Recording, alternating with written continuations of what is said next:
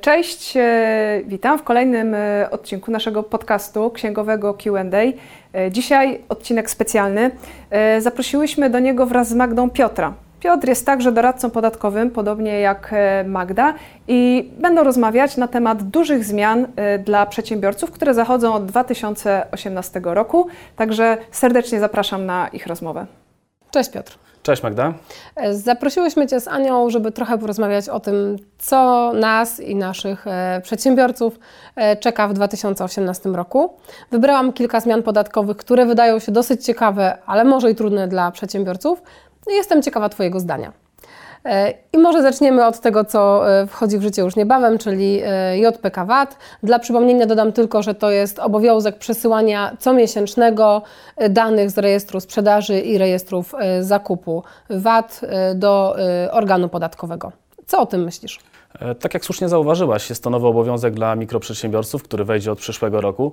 I jakbym miało wymieniać jakieś plusy, to tutaj chyba bym nadmienił o tym, że będzie sprowadzona stała kontrola podatnika, czyli podatnik, ta kontrola jakby poniekąd będzie odbywała się poza, poza nim, czyli nie będzie e, go stresowała, czyli urzędnik nie przyjdzie do siedziby danego podatnika, tylko ta kontrola będzie odbywała się w siedzibie urzędu e, na podstawie weryfikacji tak, przesłanych e, plików JPK VAT. Czyli dla podatnika plus taki mniejszy, mniejszy, mniejszy stres kontroli, która, no mówię, tak jak powiedziałem, odbywa się troszeczkę poza nim. E, do minusów jednak zaliczyłbym tutaj to, że dochodzi znowu nowy obowiązek dla podatnika, czyli wysyłka JPK VAT i to w dodatku w okresach miesięcznych.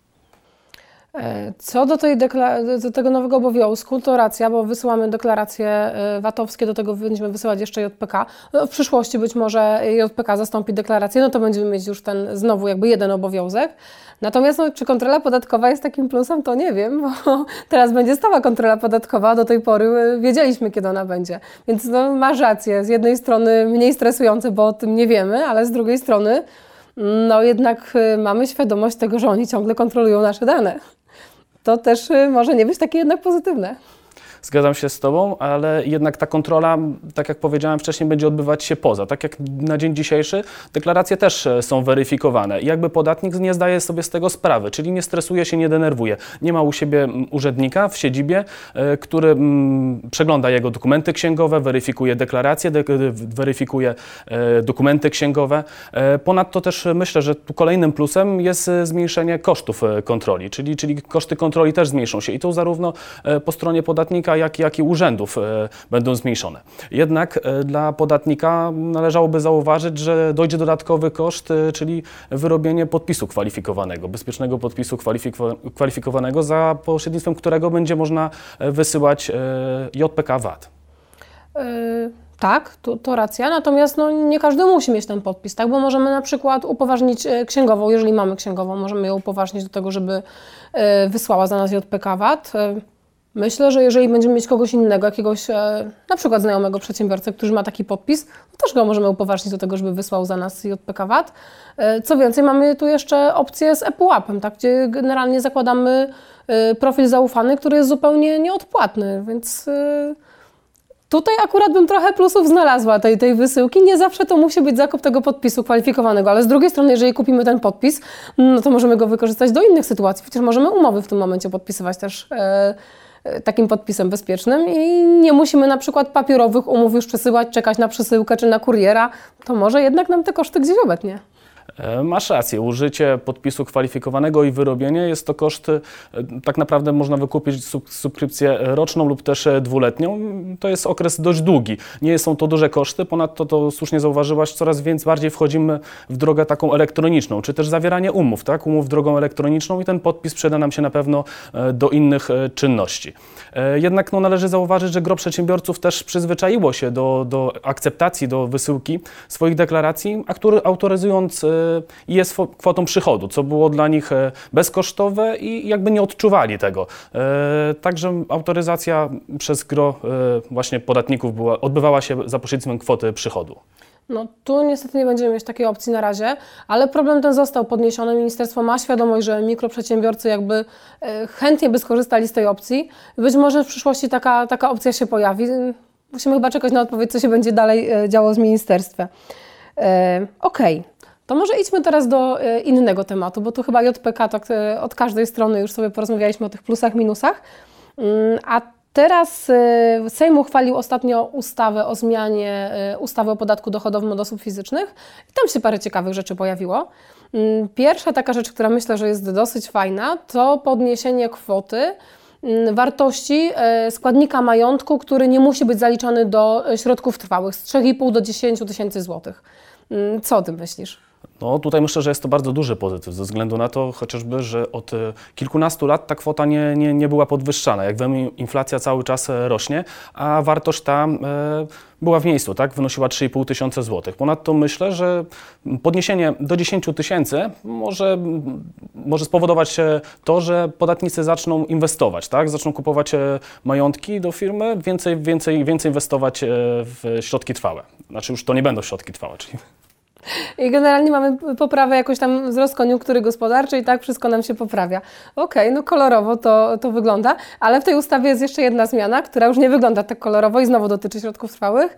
E, jeżeli otrzymamy środek trwały w darowiźnie, e, od osoby najbliższej, czyli mamy tam zwolnienie z podatku od spadków i darowizn, to odpisy amortyzacyjne nie będą mogły być kosztem. Więc z jednej strony, ok, możemy sobie więcej w te koszty wrzucić i jest super, ale z drugiej strony mamy tutaj brak odpisów amortyzacyjnych. No i tutaj, tutaj na pewno, mówiąc kolokwialnie, ta zmiana może zaboleć, no bo generalnie jeżeli otrzymamy e, w darowinie, jednak należy tu pamiętać, że chodzi tutaj tylko o pierwszą grupę podatkową, tak? Jeżeli nie zapłacimy podatku od czynności cywilnoprawnych, wówczas taki środek e, trwały nie, może, nie, nie, będzie mógł być amortyzowany. I tutaj dla podatnika e, dość niekorzystnie jest, e, bo będzie musiał wykazać to w ewidencji środków trwałych, jednak nie będzie mógł dokonywać odpisów amortyzacyjnych. A Magda powiedziałaś właśnie, że, że, że dużo zmian nastąpiło w ustawie o podatku dochodowym od osób fizycznych i dość ciekawą taką zmianą jest na pewno też podniesienie e, kosztów uzyskania e, przychodów e, dla twórców, tak, czyli 50%. 50%. I od przyszłego roku planowana jest kwota, no można powiedzieć dwukrotnie podniesienie, tak, czyli do, do 100% pierwszego kwoty stanowiącej pierwszy próg, czyli 85 528 zł. Tyle będą mogły stanowić koszty, co de facto mm, podatnik będzie mógł zarobić 171 tysięcy i rozliczyć od tego aż 50% kosztów uzyskania e, przychodu. Co o tym myślisz? E, myślę, że zmiana jest fajna i na pewno e, ci, którzy z tego korzystali, się na to cieszą, ale Obawiam się, że nie wszyscy, bo tam na pewno wiesz, że w Sejmie pojawił się dodatkowy zapis, gdzie e, wskazane zostały dokładnie konkretne zawody, które mogą skorzystać z tego typu rozliczenia kosztów uzyskania przychodów. Jak e, wcześniej w obecnie obowiązującym stanie prawnym mieliśmy po prostu wskazane, że twórcy, tak, w tym momencie mamy już konkretne zawody wskazane. Tak, ja sobie tutaj nawet, e, prawdę mówiąc, przygotowałam e, wypis z tej ustawy i mamy na przykład e, takie rzeczy jak, nie wiem, dział, e, typ działalności badawczo-rozwojowej czy nau naukowo-dydaktycznej, działalność twórcza w zakresie architektury, działalność w zakresie programów komputerowych, czyli tam załóżmy programiści mogą, ale już wszyscy inni z IT to nie do końca już będą mogli, tak? Mm, osoby, które na przykład piszą opinie prawne, czy opinie ekonomiczne, no nie za bardzo łapią się do którejś z tych grup, bo tu mamy jeszcze jakąś e, działalność publicystyczna, działalność e, aktorów, tak? Więc wydaje mi się, że dla niektórzy na tym mocno skorzystają, ale jest grupa przedsiębiorców, która na tym straci, bo już nie będzie miała prawa do rozliczenia 50% kosztów uzyskania przychodu. No jak słusznie zauważyłaś, ten katalog jest zamknięty i jakby nie daje y, żadnego marginesu, tak? Czyli możemy rozliczać tylko te rodzaje działalności, które są zapisane w ustawie. E, co więcej, y, trzeba też myślę, że wspomnieć tutaj, że to dotyczy tylko oczywiście rozliczanych poza działalnością gospodarczą, tak? Czyli jak mamy jakiegoś aktora, który ma działalność, no to nie rozlicza 50% kosztów uzyskania przychodów, to tak już na marginesie. Tak, a kolejną dość ciekawą zmianą, y, czyli y, kwota wolna od podatku. Znowu wzrasta. W bieżącym roku wzrosła nam z poziomu 3091 zł do kwoty 6600 zł, a na przyszły rok jest planowane 8000. I tutaj dla podatnika ważne jest to, że przy, przy zarobkach do 8000 może zaoszczędzić aż kwotę 1440 zł, które nie będzie musiał uiszczyć do Urzędu Skarbowego. E, ta kwota oczywiście maleje e, do przychodu, dochodu w granicach 14 tysięcy złotych, ona spada do poziomu 556 zł. I tak dzieje się, że ulgę mamy w wysokości 556 zł do właśnie dochodów 85 528 zł. Co sądzisz o kwocie tej podwyżki? Mm, prawdę mówiąc, to mam tutaj mieszane uczucia, bo tak, z jednej strony, ok, ci, te osoby, które zarabiają najmniej, rzeczywiście tutaj trochę na tym skorzystają, ale z drugiej strony y, przedsiębiorcy, którzy zarabiają trochę więcej, nie powiem, że są świetni zarabiający, bo 85 528 to też nie są jakieś y, rewelacyjne zarobki, jeżeli chodzi o poziom, y, o, koszty życia w tym momencie, więc nie są to jakieś, nie wiem, najwięcej zarabiające osoby, a stracą tą kwotę wolną. Więc powiedzmy, ja tej zmiany nie lubię, tak? I mo, może, może nie, nie rozmawiajmy o niej dalej, ale mam inne, inne pytanie. Wynajmujesz może mieszkanie? E, nie, ale ma, wiem, wiem o czym chyba, do, do, do czego zmierzasz. E, tak, jeżeli ktoś wynajmuje mieszkanie poza działalnością gospodarczą, rozlicza je ryczałtem, w tym momencie płaci 8,5% podatku tak, od kwoty tego uzyskanego przychodu. Wprowadzony zostanie limit od nowego roku, będzie to 100 tysięcy złotych przychodu. Powyżej 100 tysięcy złotych wchodzi nam druga stawka i będzie to 12,5%. I co o tym myślisz? No, tu wracamy do, do, do stanu sprzed 2010 e, roku, gdzie, gdzie w poprzednim stanie e, podobną mieliśmy sytuację, z tym, że kwoty, kwoty graniczne oraz e, ta stawka była, były inne, bo w poprzednim stanie prawnym, czyli sprzed 2010 roku, gdzie w 2010 roku uwolniono jakby kwotę graniczną i, i od najmu wy, występowało 8,5%, tak przed 2010 roku był, stawka obowiązywała 8,5% oraz 20% dla przychodów e, z najmu powyżej 4000 e, euro. E, wtedy było określone w euro. Także wracamy do, do poprzedniego stanu rozgraniczenia, aczkolwiek ta zmiana nie jest tak głęboka, jak obowiązywała przed 2010 roku, no bo pamiętajmy, że teraz mówimy powyżej 100 tysięcy o 12,5 punkcie procentowym, a wcześniej było to 20%, no i ta kwota graniczna była 4000 euro. Co, co należy tutaj, na co należy zwrócić uwagę, to to, że dotyczy to obojga małżonków, czyli jeżeli oboje małżonkowie wynajmują, to te 100 tysięcy, ten limit jest e, dla nich obojga jeden. No i trzeba pamiętać, że musimy dokładnie sprawdzać, kiedy przekroczymy tą granicę tych 100 tysięcy, żeby już później e, zaliczkę odprowadzać po tej wyższej stawce, tak? Więc to, to jest taka rzecz, o której trzeba będzie znowu pamiętać w trakcie roku podatkowego. Wydaje mi się, że najem jest po prostu bardzo popularny, tak? I, i dlatego e, skorzystano z tego, żeby trochę wyższa stawka podatku się nam tutaj pojawiła. Okej, okay, to może jeszcze na koniec temat, który może się pojawi, może się nie pojawi, czyli split payment, e, podzielona płatność. E, propozycja jest taka, żeby od 1 kwietnia 2018 roku e, kwota VAT wpływała na rachunek VAT, kwota netto na rachunek rozliczeniowy podatnika. Co o tym myślisz? To będzie korzystne, niekorzystne? Głosów jest mnóstwo. Niektórzy bardzo tutaj panikują, mówią o upadku przedsiębiorstw, e, braku płynności finansowej. Niektórzy twierdzą, że to w ogóle świetny pomysł e, i w ogóle zapewni nam to już w ogóle uszczelni system, e, zapobiegnie tej dziurze, którą mamy w VAT-ie. Jakie jest Twoje zdanie?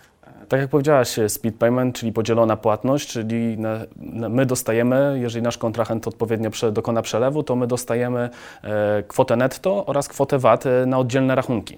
E, I niepokojące jest tutaj dla mnie, że o tym decyduje nasz kontrahent, nie my. My, my na to nie mamy wpływu, bo kontrahent sam decyduje, czy dokona przelewu poprzez właśnie podzieloną płatność, czyli uży, użyje odpowiedniego przelewu i przeleje nam kwotę netto na rachunek, tak jak mówiłem, rozliczeniowy, a kwotę VAT na, e, na, na VAT. Także tutaj mnie bardzo to niepokoi, że na nas, za nas decyduje o tym nasz kontrahent. No okej, okay to rzeczywiście może być tak niepokojące, jeżeli ty miałeś już plany co do tych pieniędzy, one ci rzeczywiście wpłyną na rachunek VAT, ale to też nie jest tak, że e, ty z tego rachunku VAT nie możesz tych środków ruszyć, tak?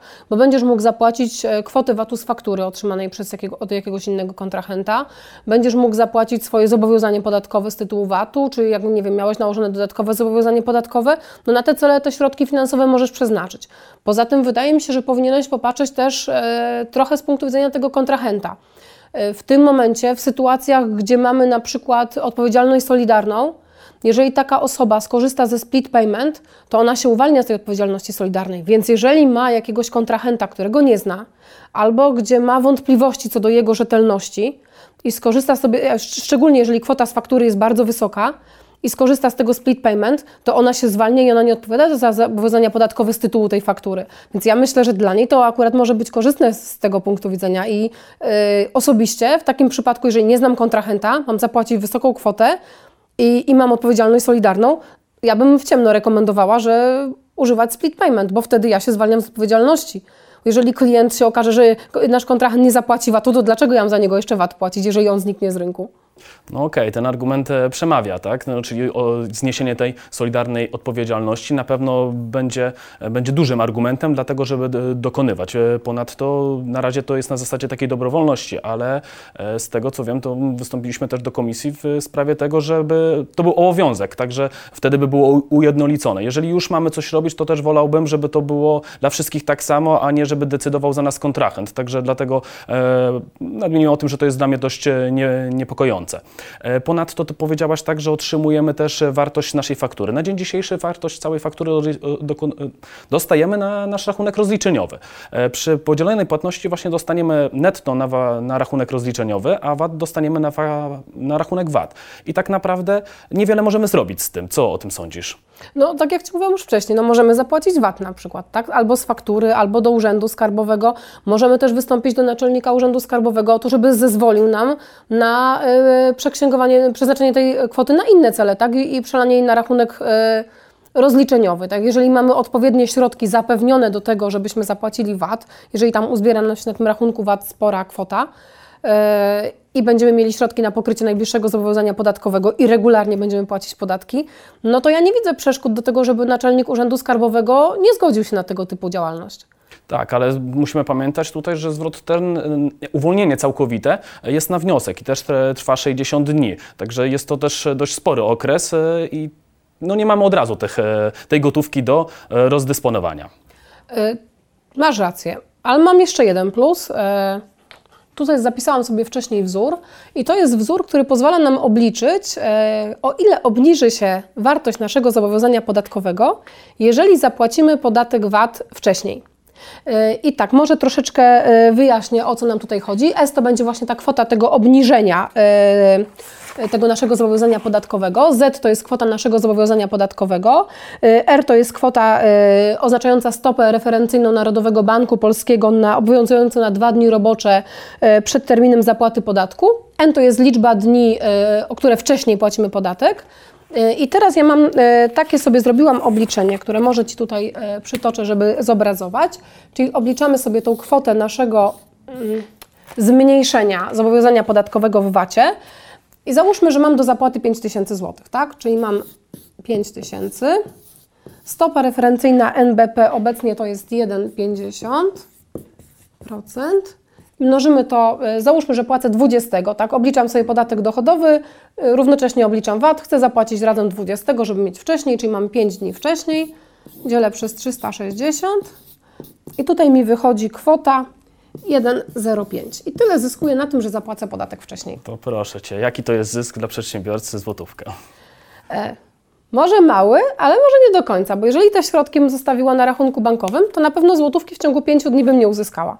O właśnie, to też poruszyłaś temat tutaj oprocentowania. E, wiem, że w pierwszym założeniu było tak, żeby te mm, konta e, VAT-owskie były, były oprocentowane. Jednak już e, dzisiaj jest założenie takie, że to będzie dobrowolność banku.